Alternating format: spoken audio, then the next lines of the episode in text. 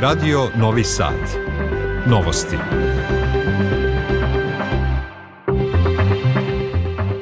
Dobar dan, ja sam Slobodan Vidović. Ja sam Nikola Rausavljević. Ovo su najvažnije vesti. Vučić sa američkim ambasadorom o unapređenju saradnje i situaciji na Kosovu i Metohiji. Referentna kamatna stopa ostaje nepromenjena, odlučila Narodna banka Srbije. Otvorena rekonstruisana zgrada Radničkog univerziteta u Novom Sadu, jednog od simbola grada.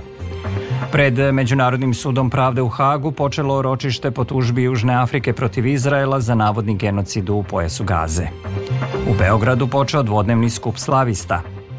Penzioneri i ove godine mogu besplatno u banju prijave do 25. januara. Smanjene rezerve krvi, potrebne sve krvne grupe, kažu nadležni. Sutra uglavnom oblačno i manje hladno. Temperatura do 2 stepena, sada je u Novom Sadu minus 3. Predsednik Aleksandar Vučić razgovarao je sa američkim ambasadorom u Srbiji Kristoferom Hillom o unapređenju bilateralnih političkih i ekonomskih odnosa, kao i o situaciji na Kosovu i Metohiji i nastavku dijaloga sa Prištinom. Vučić je na svom Instagram nalogu naveo da su u razgovoru potvrdili posvećenost održanju mira i stabilnosti u regionu i jačanju prijateljstva i saradnje između Srbije i Sjedinjenih američkih država.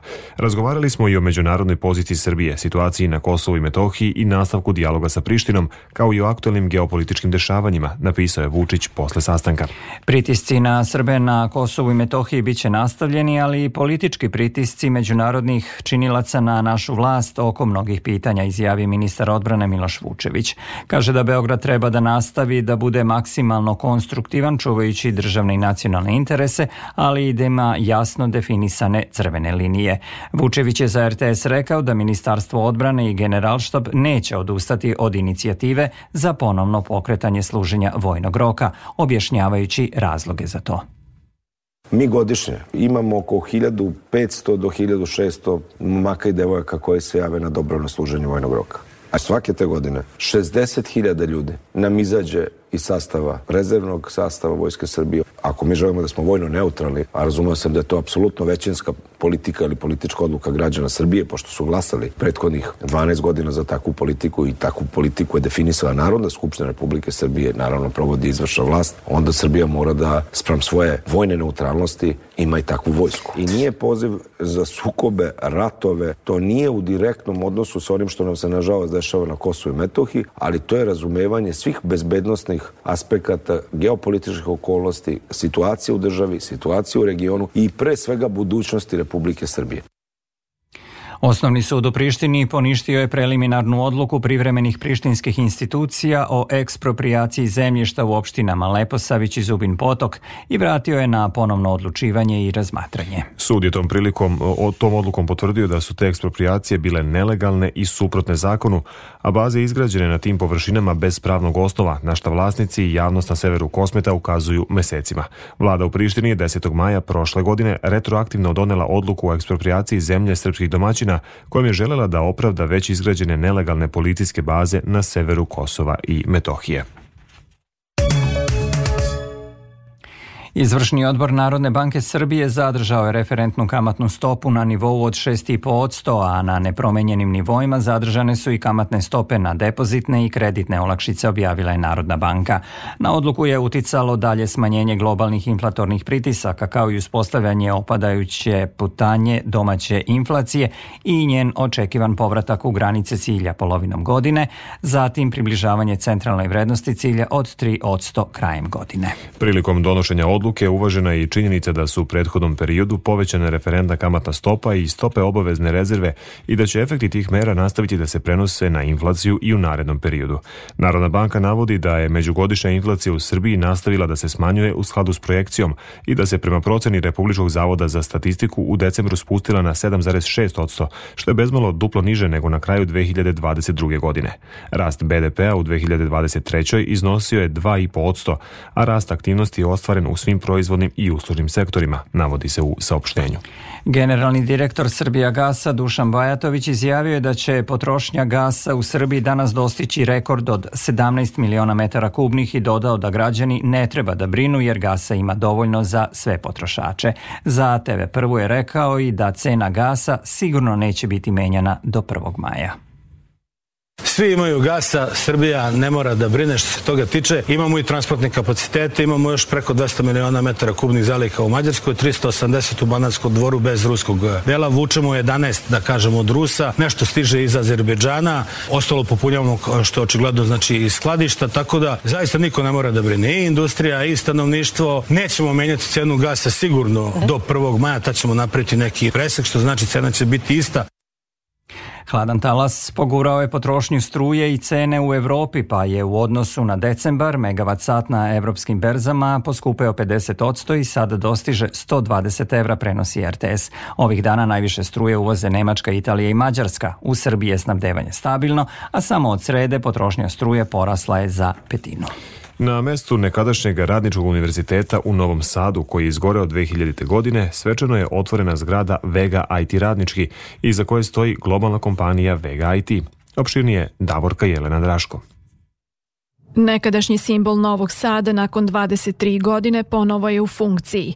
Kompaniji Vega IT pripala je čast da rekonstruiše taj objekat i da mu vrati stari sjaj, rekao je jedan od suosnivača kompanije Vladan Ostojić. U ovaj objekat planiramo da uselimo oko 550 naših kolega koji će raditi na razvoju najmodernijih softverskih rešenja koje se koriste širom sveta u oblastima medicine, financija, bankarstva, turizma, trgovine, marketinga i drugim. Kompanija Vega IT uložila je više od 17 miliona evra u obnovu zgrade, dok je gradska uprava izdvojila 11 miliona dinara za uređenje partera, podsjetio je gradonačelnik Novog Sada Milan Đurić.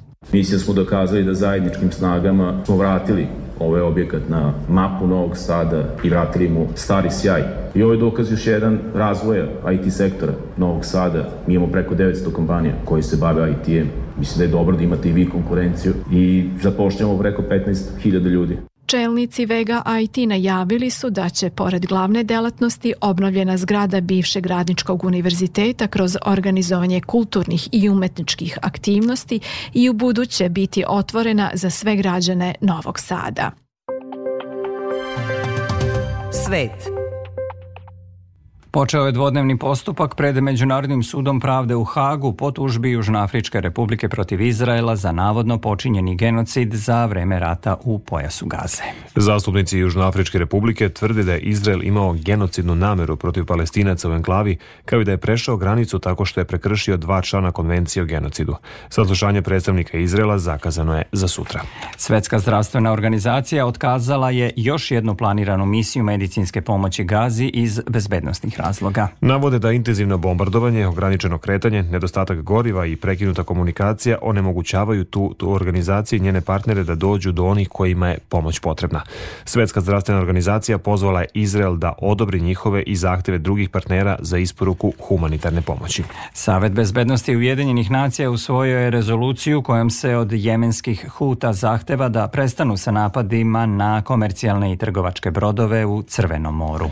Kako je precizirano u rezoluciji, rezoluciji Savet bezbednosti najoštrije osuđuje napade Huta, kojih je 19. novembra bilo najmanje 20 na komercijalne brodove.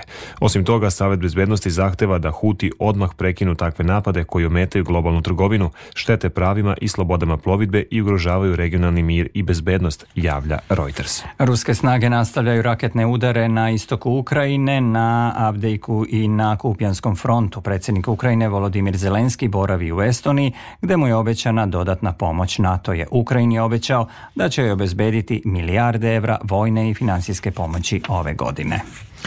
Najmanje 15 ljudi ubijeno je u Papua Novoj Gvineji za vreme nereda i pljačke u dva najveća grada u zemlji, saopštile su vlasti.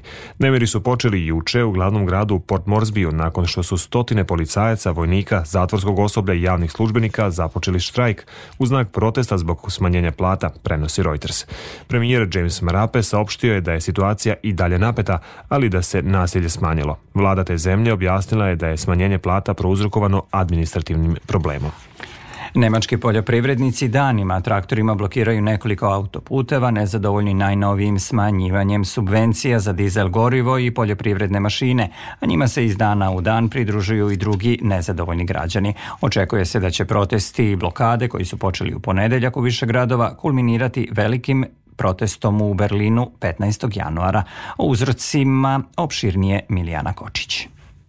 Do protesta je došlo nakon tenzija između vladajuće i opozicijonih stranaka, što je kulminiralo presudom Saveznog ustavnog suda i manjkom od 60 milijardi evra u državnoj kasi, objašnjava za Radio Novi Sad nekadašnji dopisnik lista politika iz Berlina Miroslav Stojanović. Oni su jedan fond koji je bio specijalno pravljen u vreme pandemije, pokušali da prebace i da koriste za ekološke projekte i modernizaciju industrije. Demohrišćani su predstavili tabak, tužili su Ustavnom sudu i Ustavni sud je resko presekao i rekao da to nije dopustivo. U potrebi kako da sada skrpe budžet išli su na velike unutrašnje stranačke svađe, teško su došli do kompromisa i taj kompromis je podrazumevao jednu oštru, rigoroznu štednju. Nemački poljoprivrednici još od 1951. dobijaju subvencije za dizel gorivo i oslobođeni su plaćanja poreza na traktore. Mere vlade koje predviđaju uštedu od 17 milijardi evra samo na subvencijama u poljoprivredi najviše pogađaju prerađivače, pa ne pristaju ni na najmanje ustupke, objašnjava za Radio Novi Sad agroanalitičar Žarko Galetin. Nemci su prethodne dve, tri godine imali sasvim dobar finansijski rezultat rezultat svoga poslovanja, sada se napada, uslovno rečeno, dakle, taj deo njihovih prihoda. Nemačka vlada je izašla u susret nekim njihovim zahtevima da se te subvencije za gorivo postepeno ukidaju naredne tri godine, a ne odmah, da to sporesko oslobođenje za nabavku nove mehanizacije ne bude tako kao što je prvi mah izgledalo. Međutim, poljoprivrednici nisu zadovoljni time što oni to nazivaju laganim umiranjem. Naš prvi sagovornik Miroslav Stojanović, kao dobar poznavalac prilika u Nemačkoj, ukazuje na to da nijedna vlada vlada u istoriji te zemlje nije imala tako negativnu popularnost na polovini mandata, a da je atmosfera inače naelektrisana zbog recesije, te zaključuje da će aktuelni protesti imati velike ekonomske i političke posledice u nemačkom društvu, možda i šire. Ovo su novosti prvog programa radija radio televizije Vojvodine. Zbog snega i leda na putevima i trotoarima ovih dana značajno je povećan broj prijema pacijenata u urgentnom centru kliničkog centra Vojvodine. Dnevno ih je do 100 sa prelomima i nagnećenjem mišića. Poseban oprez savetuje se starim sugrađanima jer oporavak može biti dug, poručuju lekari. Pripremio Marko Brajković. Najčešće povrede pri padu na ledu su prelomi kostiju, iščešenje zglobova i nagnječenja mišićnog tkiva. Najugroženiji su stariji sugrađani, te povrede kod njih mogu imati ozbiljne posledice, kaže upravnik Urgentnog centra Kliničkog centra Vojvodine Dragan Nikolić. Koliko jedan ozbiljan prelom ili ozbiljnu traumu dožive stariji pacijent koji ima sa sobom neke komorbiditete, srčane, plućne, bubrežne i slično, može to biti životno ugrožavajuće stanje koje, kažem, nažalost i pored svog truda može se završiti smrtnim ishodom. Građanima preporučuje da smanje aktivnosti na otvorenom dok traju hladni dani. Kaže da je napolju potreban poseban oprez, da ruke ne treba držati u džepovima već ih koristiti kao oslonac. Ukoliko dođe do pada, savetuje šta prvo treba da uradimo. Dakle, tu moramo biti jako pažljivi. Mi smo skloni da i nekome sebi i nekome drugom pružimo pomoć. To treba naravno znati, znači osnovne neke postulate. Ukoliko je sumnja na nepovređivanje e, ekstremiteta, treba ekstremitet na bilo koji način imobilisati, znači imobilisati dva susedna zgloba i sačekati službu hitne pomoći koja će pružiti adekvatnu zaštitu. Za neke ozbiljnije povrede, povrede glave i tako dalje, naravno, neki bočni položaj pacijenta staviti i sačekati službu hitne pomoći koja će pružiti naravno najbolju i najstručniju pomoć. Ne zahteva svaki pad posetu lekara, ali ukoliko dođe do otoka, intenzivnog bola, smanjene pokretljivosti dela tela, potrebno je javiti se lekaru ili službi hitne pomoći. Rezerve krvi su i dalje smanjene i potrebne su sve krvne grupe, kažu u Institutu za transfuziju krvi Srbije.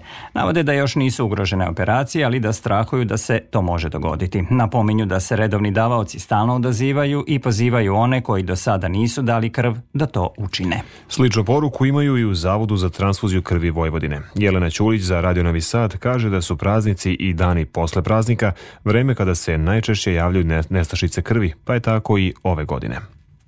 Trenutno su najpotrebnije A i nulta krvna grupa kao i sve krvne grupe sa negativnim RH faktorom. Dati krv nije ništa strašno, ne može da škodi i davaocu, naprotiv može samo da mu koristi zato što se na taj način obnavlja krv, stvaraju se nove mlade ćelije, a time spašavate ne samo jedan nego tri života, dakle zato što se jedna jedinica krvi razlaže na tri komponente, dakle jednim davanjem krvi spasili ste tri života. Davalac krvi može biti svaka potpuno zdrava osoba od 18 do 65 godina starosti koja nema nikakve nikakvih hroničnih bolesti, ne konzumira nikakve lekove.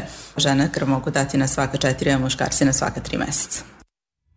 Penzioneri će i ove godine moći da idu na besplatnu desetodnevnu rehabilitaciju u banjama i lečilištima u Srbiji. Konkurs Republičkog fonda za penzijsko invalidsko osiguranje otvoren je do 25. januara, a da bi mogli da konkurišu, penzioneri treba da ispunjavaju nekoliko uslova.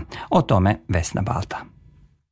Pravo da konkurišu imaju korisnici čija penzija ne prelazi 39.850 dinara i koji imaju prebivalište u Srbiji, kao i oni koji nemaju druga lična primanja osim penzije i nisu koristili rehabilitaciju od 2020. godine. Predsednica Udruženja penzionera grada Novog Sada Milena Žarković navodi koje još kategorije penzionera mogu da se prijave. Zatim penzioneri koji imaju penziju ostvarenu delimično i u bivšim republikama i u Republici Srbiji moraju doneti ček od penzije i jedne i druge penzije i da ukupan zbir tih penzija ne prelazi tih 39.850 dinara. Znači, trebaju sa penzionim čekom da odu negde u svoje udruženje, tako da će tamo dobiti jedan obrazac koji će popuniti i priložiti penzioni ček kao dokaz o visini penzije. Prijeve se podnose udruženjima, odnosno odborima korisnika penzija sa područja filijale fonda na kojoj korisnik ima prebivalište. U PIO fondu naglašavaju da član članstvo u penzionerskim organizacijama nije uslov za korišćenje ovog prava.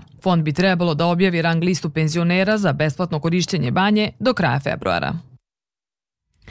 Izučavanje i nastava slovenskih jezika, književnosti i kultura izazovi vremena, Naziv je manifestacije koja okuplja domaće i strane slaviste, znalce slovenskih jezika, književnosti i kultura, 62. godinu zaredom na Filološkom fakultetu u Beogradu. O nagradama koje su uručene na otvaranju skupa izveštava Jasna Kurteš Plavljanin. Na svečanom otvaranju dodeljena je nagrada Pavli Milka Ivić dr. Vladanu Jovanoviću, višem naučnom saradniku Instituta za srpski jezik Srpske akademije nauka, za naučnu monografiju Jezik i rečnik Svetog vladike Nikolaja Velimirovića. Povelja Radovan Košutić uručena je profesor dr. Ljudmili Popović, redovnoj profesorki katedre za slavistiku Filološkog fakulteta u Beogradu, a uručena su i priznanja za poseban doprinos širenju ruskog jezika nauke i kulture i našem profesoru Radivoju Stojkoviću, direktoru gimnazije Jovan Jovanović Zmaj u Novom Sadu, ali i Violeti Vlajković Bojić, savjetnici i koordinatorki Zavoda za unapređivanje obrazovanja i vaspitanja. Inače, naučna konferencija traje dva dana, a bit će predstavljen izbornik radova objavljen povodom 75 godina Slavističkog društva Srbije, ruski jezik u Srbiji i Republici Srpskoj danas – u izdanju Slovističkog društva Srbije, a štampanje zbornika pomogla je kompanija NIS. U novostima je jedna vest iz sporta. U 21. kolu košarkaške Evrolige Crvena zvezda od 20 časova i 30 minuta gostuje italijanskoj Armani Olimpiji u Milanu.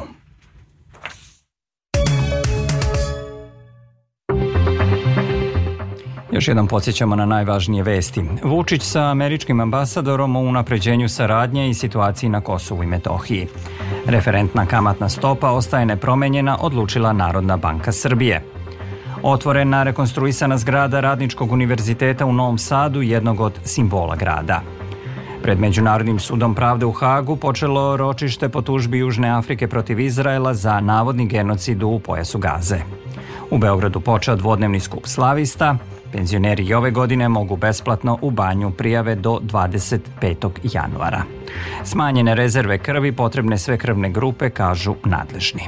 Na kraju slušamo i prognozu vremena za sutra i narednih nekoliko dana. U Vojvodini u petak umereno do potpuno obično i hladno, bez padavina, ali uz poledicu. Mestimično će biti i kraćih sunčanih intervala. Vetar slab i umeren zapadni i severozapadni. Najniža temperatura od minus 8 do minus 5, a najviše od minus 1 do 2 stepena. U Vojvodini za vikend suvu sa sunčanim intervalima uz jutarnji i prepodnevni mraz i manje poraz dnevnih temperatura. Početkom naredne sedmice slabine jutarnjeg mraza uz dnevne temperature od 3 do 8 stepeni. U ponedelje prolazno oblačenje sa kišom, utorak suvo, od srede do petka pojačavanje jugozapadnog vetra i nagli porast temperature, a kiša će ponovo padati od četvrtka. Zradi Novi Sad, meteorolog Milor Stojanović. Slušali ste novosti prvog programa radija Radio Televizije Vojvodine. Ovu emisiju možete slušati odloženo na sajtu rtv.rs, gde su i sve važne informacije iz zemlje i sveta. Emisiju tonski realizovala Olga Đipanov, producent Branislava Stefanović i Zoran Bečejac. Pred mikrofonom bili Slobodan Vidović i Nikola Rausavljević. Sledi Radio Sport, pa vesti u 16 časova. Nakon toga možete slušati reprizu emisije U dobrom društvu, u kojoj je bilo reči o smislu božićne radosti, vrlini praštanja i hodočašću u svetu zemlju. Naš gost bio je sveštenik hrama pokrova presvete Bogorodice u Petrovaradinu, Branislav Kerečki. Ostanite uz Radio Novi Sad.